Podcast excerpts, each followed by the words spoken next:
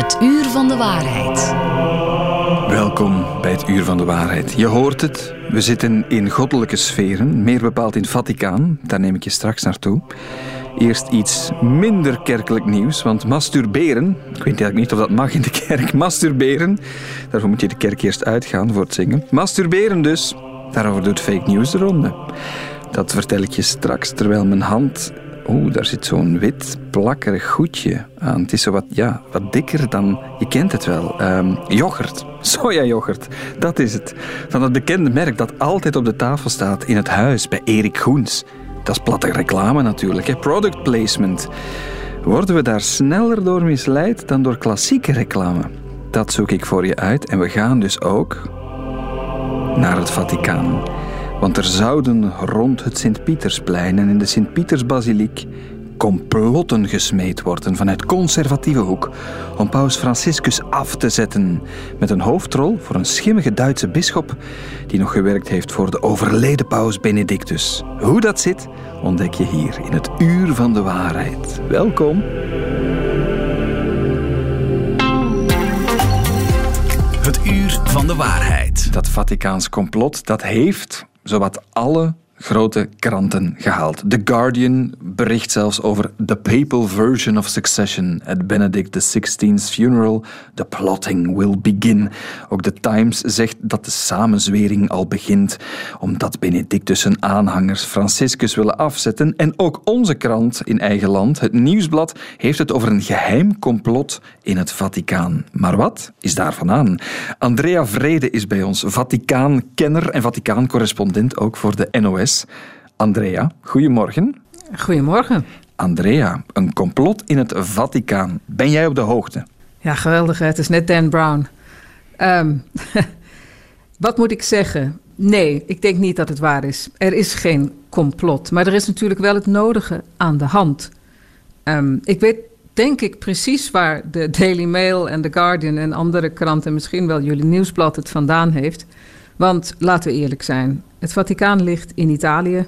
En in Italië zijn ze dol op intriges. Mhm. En vooral Italiaanse journalisten die vinden dat fantastisch. En wat is een betere plek om allerlei dingen over te verzinnen en bij elkaar te schrapen en prachtige theorieën op te hangen dan het Vaticaan. Ja, maar wacht, je zegt Andrea, verzinnen, verzinnen. Er is één naam, een schimmige naam, die altijd opduikt. Een vertrouweling van Benedictus, ja. aartsbisschop Georg Genswein. Wie is die man? Ja, Georg Genswein duikt inderdaad redelijk vaak op. Ehm, hij is inderdaad een aartsbisschop, titulair aartsbisschop. Hij was de privésecretaris van Benedictus XVI tijdens zijn pauschap. En toen Benedictus is afgetreden, is hij eigenlijk een soort van... Ja, eerst is hij een soort verbindingsschakel geworden tussen de nieuwe paus Franciscus en de emeritus paus Benedictus, die in het Vaticaan is gaan wonen, in de tuin in een verbouwd klooster. En um, op een gegeven moment is daar een eind aan gekomen, omdat hij zijn rol toch iets proactief uh, uh, inzag. En, en te veel dingen organiseerde die gelezen konden worden als een aanval op de zittende paus, op de regerende paus. En toen is hij, eigenlijk is hij, zijn functie is veel simpeler geworden. Hij moest eigenlijk alleen maar op Benedictus letten. Hij was een privésecretaris. Mm -hmm. Het is dus een man die um, heel erg bekend is in Italië. Een knappe Duitser van nu 66 jaar. De meest sexy priester van het land, blijkbaar. Ja, George ja, Clooney ja, van het Vaticaan. Ja, de George, kijk, daar gaan de krant alweer. Hè? De George mm -hmm. Clooney van het Vaticaan. Nou, hij lijkt niet echt op George Clooney. Hij speelde wel tennis, had ook leuke verjaardagspartijen... waar hij dan in der tijd um, roddelbladen uitnodigde, uitnodigde om foto's te maken. Maar dat, zijn, dat is dingen uit het verleden. Hij is eigenlijk een beetje een speelfiguur geworden tussen inderdaad... en hier komen we achter achter de complottheorieën bij de kern van waarheid. Hij is een mm -hmm. soort speelfiguur geworden in de, uh, ja, in de, toch wel een beetje de, de, de, voor de conservatieve, traditionalistische, behoudende katholieken. Die zich veel meer thuis voelden onder de zeer behoudende Benedictus XVI. En zich eigenlijk verweest voelen en en, en, en nou ja, belaagd voelen onder de veel meer hervormende Franciscus.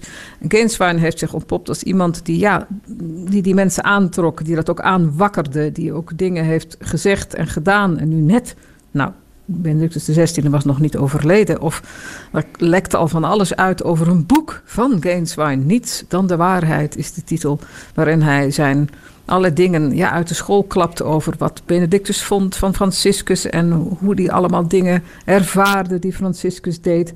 En we hebben natuurlijk alleen maar zijn woord, hè, woord. Dus hij is een Mhm. controversiële figuur die, ehm, ja, wiens rol natuurlijk nu eigenlijk is uitgespeeld. Want zijn, de man over wie hij moest waken eh, is overleden. Dus eigenlijk is hij nu, ja, wat is hij nu? Hij is eigenlijk niks. Dus hoe zou hij complotten moeten organiseren om een paus tot, af, tot aftreden te dwingen? Maar jij Ik zegt, er zijn, er zijn wel ja, wat spanningen, maar een echt complot, dat zie ik niet. Dat wordt toch nogthans gezegd, dat er wel echt een groep is Ja, die ja, zou en ik weet ook door wie dat gezegd wordt. Ik weet door wie dat gezegd Wie wordt. dan? Er zijn eh, toch wel hele, hele goede kranten in Italië, zoals La Stampa en eh, de Corriere della Sera. Dat zijn echt kwaliteitskranten.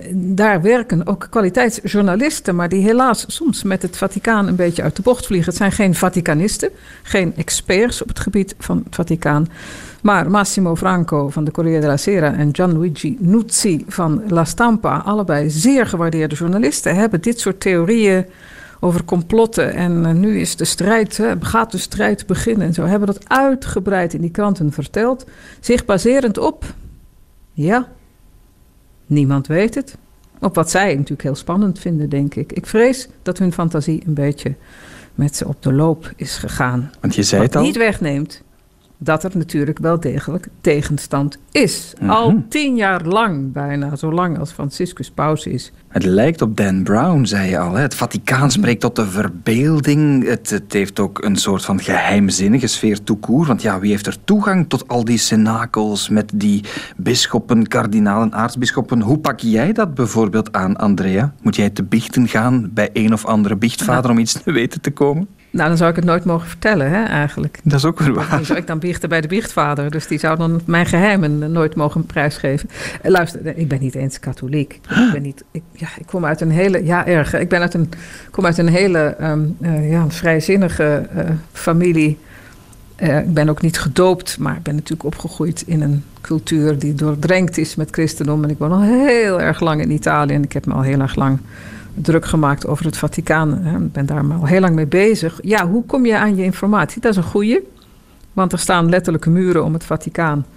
eh, en figuurlijk eigenlijk ook wel. Ehm, wat je doet is eigenlijk gaan uitzoeken wie van de zeer katholieke Vaticanisten voor wie dit een levensinvulling is, en voor mij is het echt een freelance journalistieke baan, Mhm.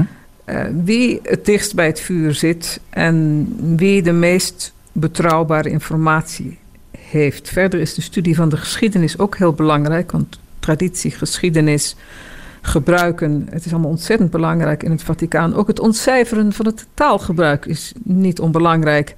Want ah, geen woord wordt daar ooit gezegd zonder dat er wel een betekenis aan hangt. Alleen moet je natuurlijk bedenken welke. Dus ik baseer me heel erg op de mensen die ik vertrouw. En heel af en toe lukt het me ook wel eens om met mensen te praten die wat meer informatie hebben.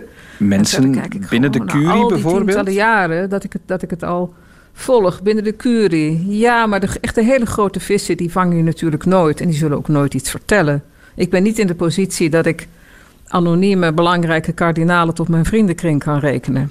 Maar ik ken wel mensen die die mensen wel kennen. Ja, ja. En die mensen schrijven over dingen, die praten over dingen, die ken ik. We, hebben, we zijn ook, Vaticanisten zijn ook best wel een team, hoewel iedereen natuurlijk zijn eigen toko heeft. Maar we zijn ook best wel bezig met elkaar om gegevens uit te wisselen en dingen te begrijpen en erover te praten.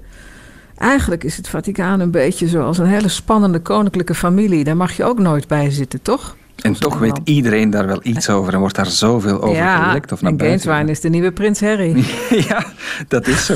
Niet George Clooney, maar Prins Harry. Zit jij dan wel Ja.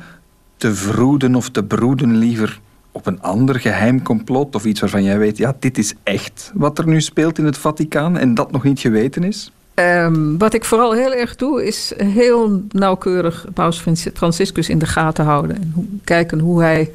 Want hij heeft natuurlijk meerdere ontmoetingen per dag. En dan krijgen we al die toespraken, krijgen we ook via, de, via het persbureau van het Vaticaan als geaccrediteerde journalisten krijgen we toegestuurd. Ik volg dat allemaal enorm. Ik kijk heel erg naar wat hij, wat hij zegt en niet zegt. Hè. Niet zeggen is ook belangrijk. En ik zie een man die ehm, al vanaf het begin gezegd heeft: ik ga aftreden ooit mocht ik niet meer met mijn gezondheid in staat zijn om uh, de, nou, deze kerk te besturen. En hij heeft enorme problemen hè, met zijn knie. Hij kan niet meer goed lopen.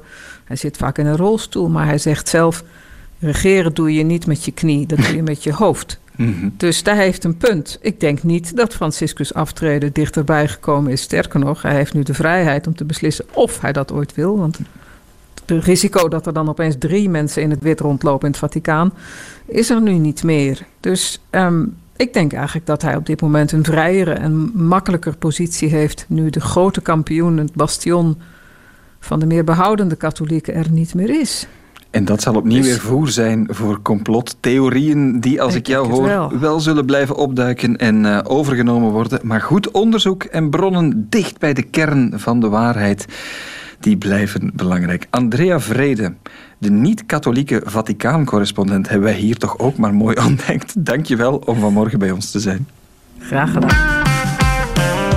Radio 1. Misschien zijn ze bang voor de waarheid. De meerwaardezoeker heeft die stem al herkend. Dat is Nancy uit Thuis. En in thuis, dat is je misschien ook al opgevallen, smeren Frank en Simon niet zomaar confituur en boter, dat is altijd hetzelfde merk.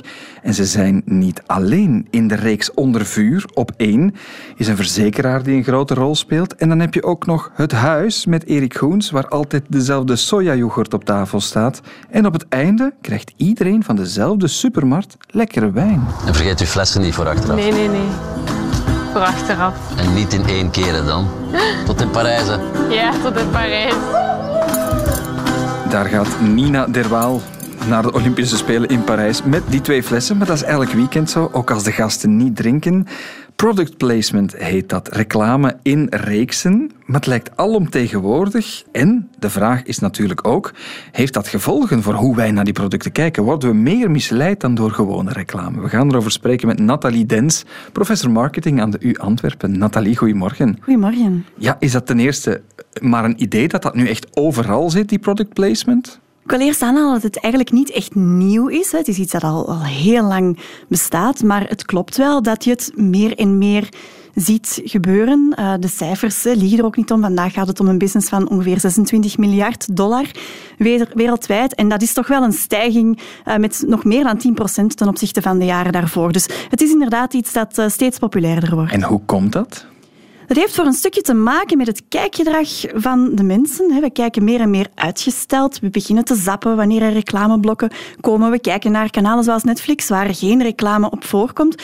Dus ja, marketeers en adverteerders die zijn eigenlijk op zoek naar een andere manier om hun publiek te bereiken. En ja, als je je product in het programma steekt, dat is iets dat de consument niet zomaar kan doorzappen of op een andere manier kan vermijden.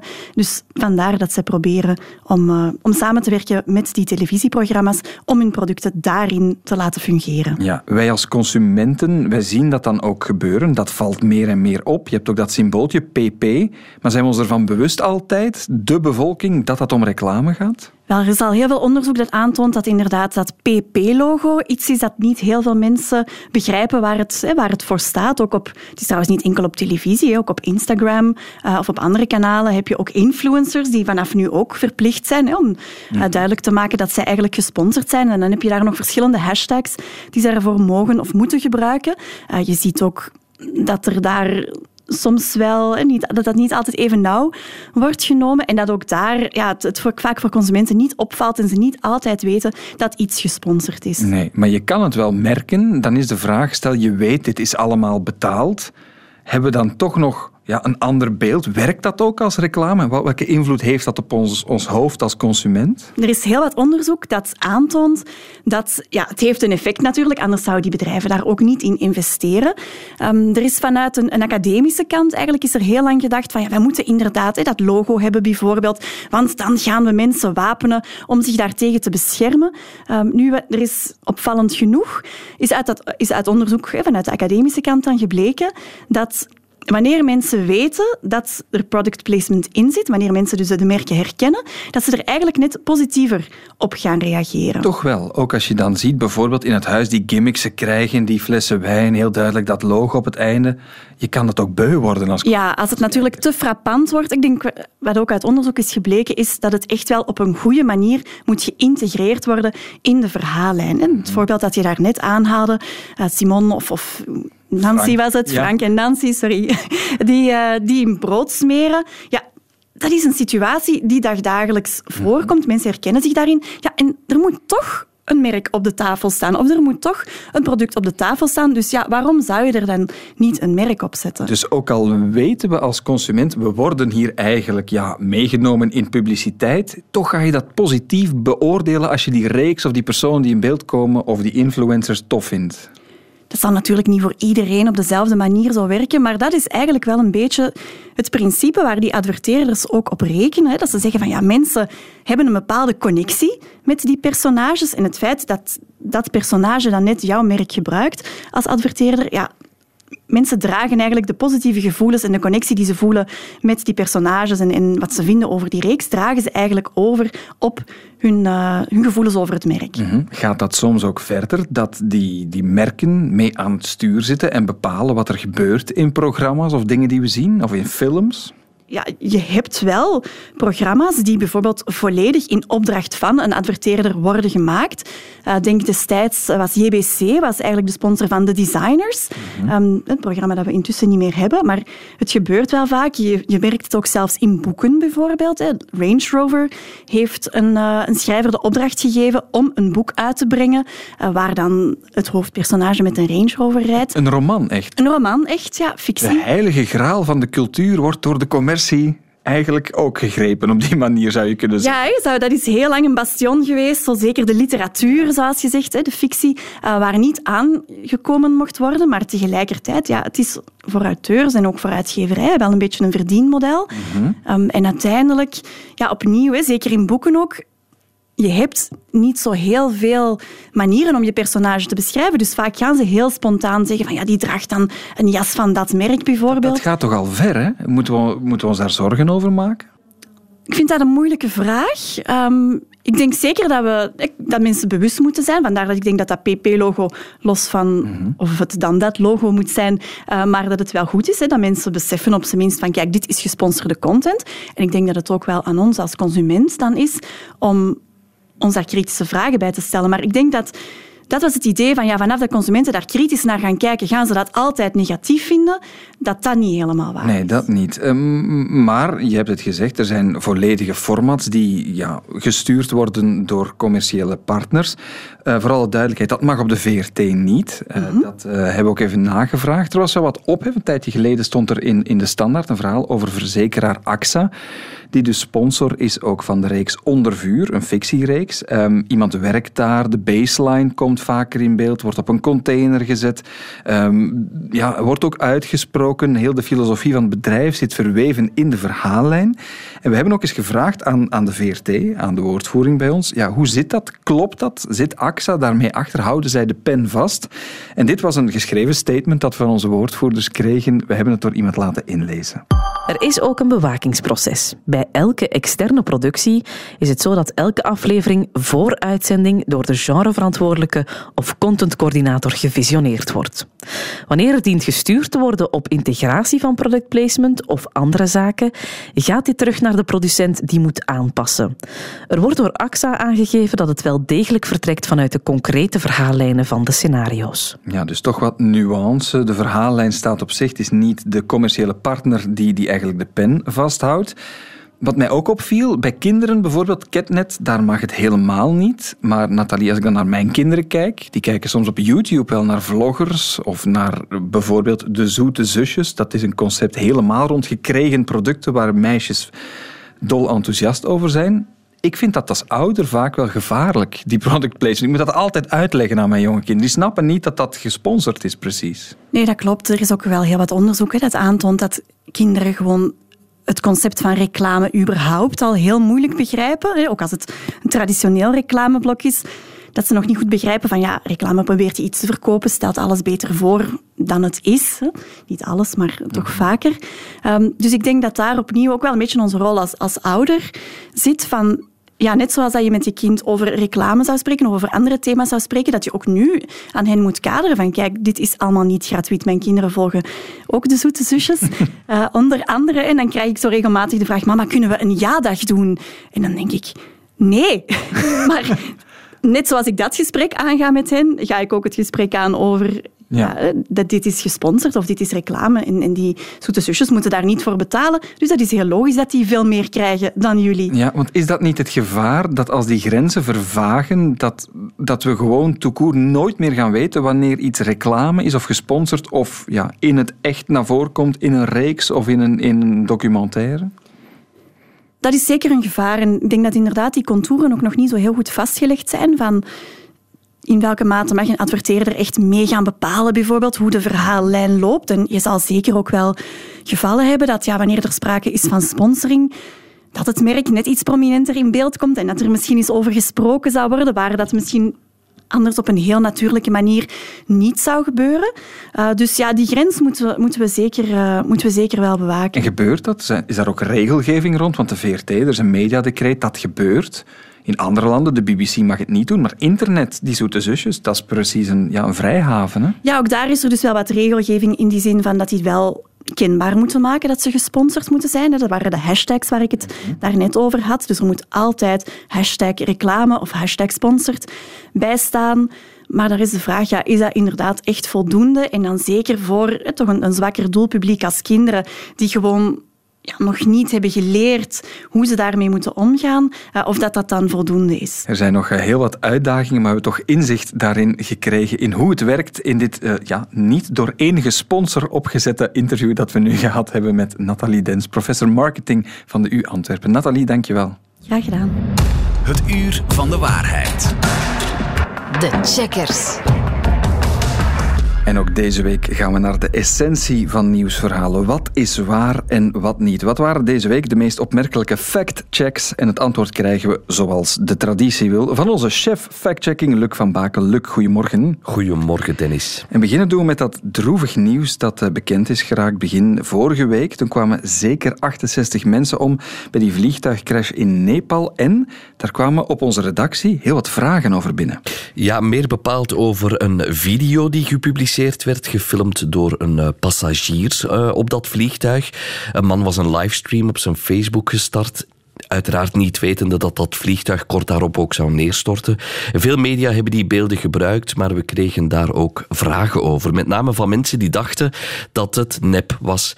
Maar de beelden zijn wel degelijk echt, Dennis. En dat zeggen we uiteraard niet zomaar, maar dat kunnen we ook aantonen aan drie zichtbare elementen in de video zelf. Collega Dorien van Meldert die zet ze op een rijtje. Zo zien we dat de man die de beelden heeft gemaakt op een passagiersstoel zit en op die stoel zie je het logo van de luchtvaartmaatschappij Yeti Airlines, effectief de maatschappij van het toestel dat is neergestort.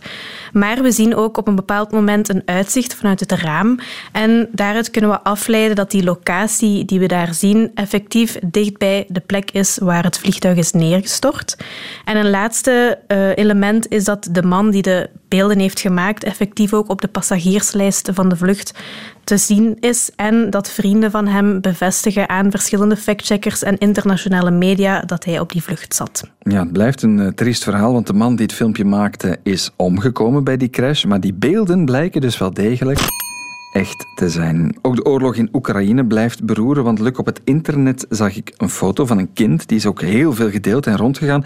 Een peuter die nog wat bestoft en huilend naar een vernield gebouw staat te kijken. Ja, dat uh, beeld ging rond na een uh, raketinslag vorige week op een appartementsgebouw in de stad Dnipro. Um, en daarbij vielen tientallen doden en gewonden, maar ook hier heel wat mensen stelden zich vragen bij de foto. Is ze wel echt? Wie is dat kindje? En wat was daar exact gebeurd? Uh, factchecker Rien Emery die heeft dat uitgezocht. We hebben de oorsprong van het beeld onderzocht en toen bleek dat het online was geplaatst door het Engelstalige Twitter-account van het Oekraïense parlement. En die hadden erbij vermeld dat het ging om een beeld gemaakt met een beeldgenerator op basis van artificiële intelligentie. Dus geen echte foto. Het probleem is natuurlijk dat mensen dat beeld hadden gedownload en opnieuw verder verspreiden alsof het wel een echte foto was. Beelden die met artificiële intelligentie gemaakt worden zijn tegenwoordig zeer fotorealistisch. Je kan bijna niet zien dat het nep is. En toch was er hier aan de vingers en de neus wel een aantal kleine foutjes te zien. Uh, je had een aantal vingers te veel, het jongetje bijvoorbeeld. Dus je kan het nog wel opmerken als je heel goed oplet. Ja, straf verhaal. We hadden het recent nog hè, over artificiële intelligentie en de impact. Dat kan je herbeluisteren in een van de vorige podcasts. Maar die ene foto van die peuter Die is dus volledig door een uh, computer gemaakt. Je kan het ook op 14 Nieuws gaan bekijken op de pagina Desinformatie, want het ziet er zo echt uit. Onthoud, wie goed kijkt, kan foutjes opmerken. Ja, Luc, factcheckers moeten van alle marten thuis zijn, want je hebt ook nog een verhaal meegebracht over masturberen en het mannelijk orgasme. Ik zet me schrap. Klopt, want in het tijdschrift uh, Goed Gevoel uh, staat geschreven dat de zaadlozingen een man kunnen beschermen tegen prostaatkanker. Een opvallende uitspraak. Uh, bij de collega's van KNAK hebben ze die uitgezocht. was er wel wetenschappelijke onderbouw voor die uitspraak? Wat zeggen de bestaande studies? En ook wij hebben eens gebeld met uroloog Piet Hoebeke. En die was redelijk duidelijk. Het is inderdaad juist, of althans door een studie aangetoond dat het correct is studie is een soort van uh, ja, grote analyse van een heel grote populatie, waarbij men gezien heeft dat bij masturbatiefrequentie boven de 21 keer per maand tussen de leeftijd van 20 en 40 jaar het risico prostaatkanker met 20% naar beneden gaat. Dus in die zin klopt het.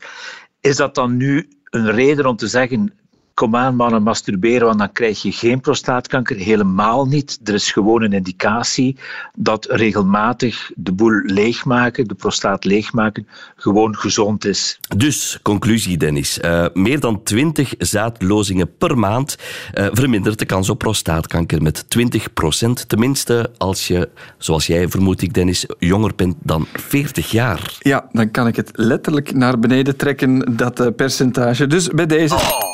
Dat klopt dus uh, helemaal. Die stelling staat als een paal boven water. Luc, wat een climax op het einde. Weer boeiende verhalen. Waar kunnen we het allemaal checken en nalezen? Op de pagina van thecheckers.be, zoals altijd. Er staan ook heel wat verhalen op 14nieuws.be. En als je zelf vragen hebt, kun je ons ook altijd mailen. En dat kan, zoals altijd, op het uur van de waarheid at radio1.be. Dankjewel, Luc.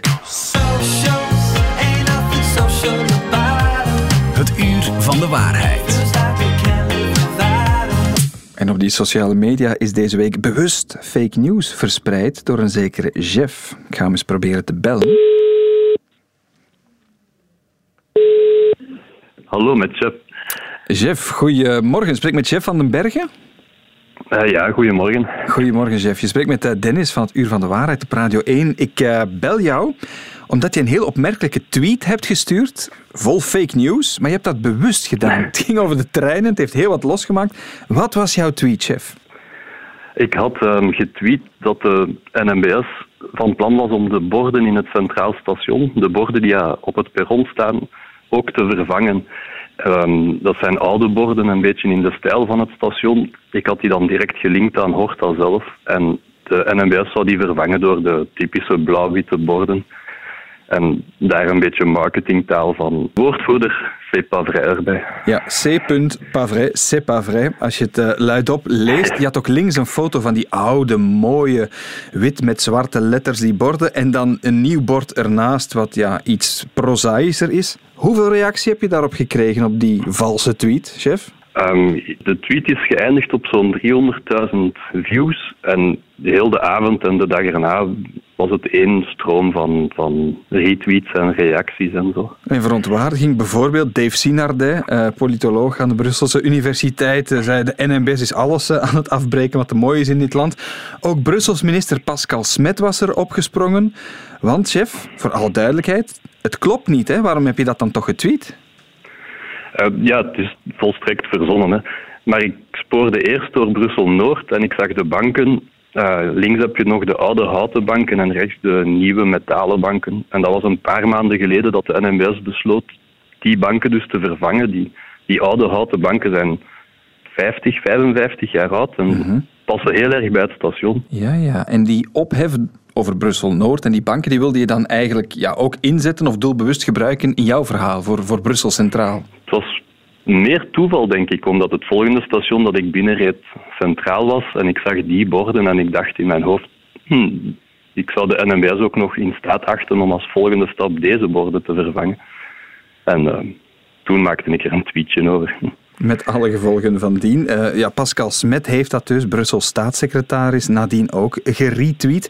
We hebben ook eens voorgelegd van ja, hoe komt het dat je in die val bent getrapt? Want ja, er staat ook bij woordvoerder pas vrai. Dit is de reactie van Pascal Smet. Weet je, er komt binnen en je hebt niet meteen C'est pas vrai, die, die, die spreekt niet uit. Hè. Je leest dat, je ziet dat Chef van den Bergen, die doet ook al denken aan een CD&V-parlementslid, voor alle duidelijkheid. Ook meteen gebeld naar de NMBS, hè, naar de directeur-generaal, om te zeggen wat is hier aan de hand. Uh, die uh, viel ook uit de lucht. Wij ook. We wisten wel dat er een soort overleg bezig was tussen de Brusselse stedenbouwkundige administratie en NMBS om, om de signalitiek te verbeteren. We hebben die historie met die banken in Brussel-Noord gehad, die wel waar was. Hè. Dus ja, de, de, context was er dat mensen het konden geloven, zouden geloven. En dus wilden we meteen duidelijk zeggen, het is niet waar. Ja, hij zegt nu, met mijn tweet wil ik vooral duidelijk maken, het is niet waar, maar er zat toch ook zelf bij hem toch een zekere verontwaardiging in. Je hebt heel veel reactie gekregen, het klopt niet, maar Jeff, ik heb begrepen dat jij ook leraar bent uh, in Brussel en dat dit ook in lessen van jou kadert. Hoe zit dat? Ja, het, toeval ging dan zo wat verder. Dat als die tweet dan uh, deed wat hij deed, dacht ik, dit kan ik ook in de klas gebruiken natuurlijk. Om het eens aan te halen, te tonen en, en in de lessen die al gaan over internet, over voordelen en valkuilen van internet, en kritische zin, om eens te tonen hoe dat, dat uh, uit de hand kan lopen. En dan kon ik dat als voorbeeld gebruiken. En dat had wel effect, want mijn leerlingen zagen, terwijl ik het verhaal vertelde en de tweet toonde, kwamen er nog eens 10.000 views bij. Mhm. Dus dat, uh, dat boeide hun wel. Als ja. ze dan hoorden dat er een regeringslid, de politicoloog of een journalist het ook geretweet had. En zo. Ja, dus een beetje mediawijsheid uh, heb je daaraan gekoppeld. Exact. Ben je zelf toch ook wat geschrokken van wat het heeft losgemaakt? Ik uh, had het niet verwacht, nee. Nee. Heb je nog een stunt voor ogen? Wat gaat je volgende tweet zijn? Um, meestal hou ik mij met mobiliteit bezig, dus het zal daar weer iets rond zijn. Oké, okay, maar Zeuren over het Brussels verkeer. Oké, okay, ja, dat moet je niet in het uur van de waarheid doen. Tenzij er ook desinformatie op de borden staat, dan mag je ons altijd iets uh, laten weten. Een heel fijn weekend uh, voor jou in elk geval. Jeff, dankjewel, Jeff van den Bergen, om bij ons te zijn. En je tweet kan je nog altijd bekijken hè, op Twitter. Hoe heet hij daar trouwens? Uh, Nonkel Vladimir. Nonkel Vladimir. Zo gaan we jou zoeken. En op jouw echte naam, Jeff van den Bergen, vinden we jou en die foto van Brussel Centraal en de borden ook. Jeff, een fijn weekend voor jou. Dankjewel om hier te zijn. Graag gedaan. Tot ziens. En daarmee zit dit uur van de waarheid zonder goddelijke mirakels en complotten en ook zonder product placement er helemaal op. Al vermeld ik graag dat we een podcast zijn van VRT Nieuws en Radio 1. Dat en veel meer kan je ook herontdekken. Andere podcasts en andere afleveringen van het Uur van de Waarheid in de app van VRT Max. En dat is geen... Fake news, fake news. There's never been an innovation that's so easy to do. They used to be lies, now they're alternative truths. So if you with me, I'll fake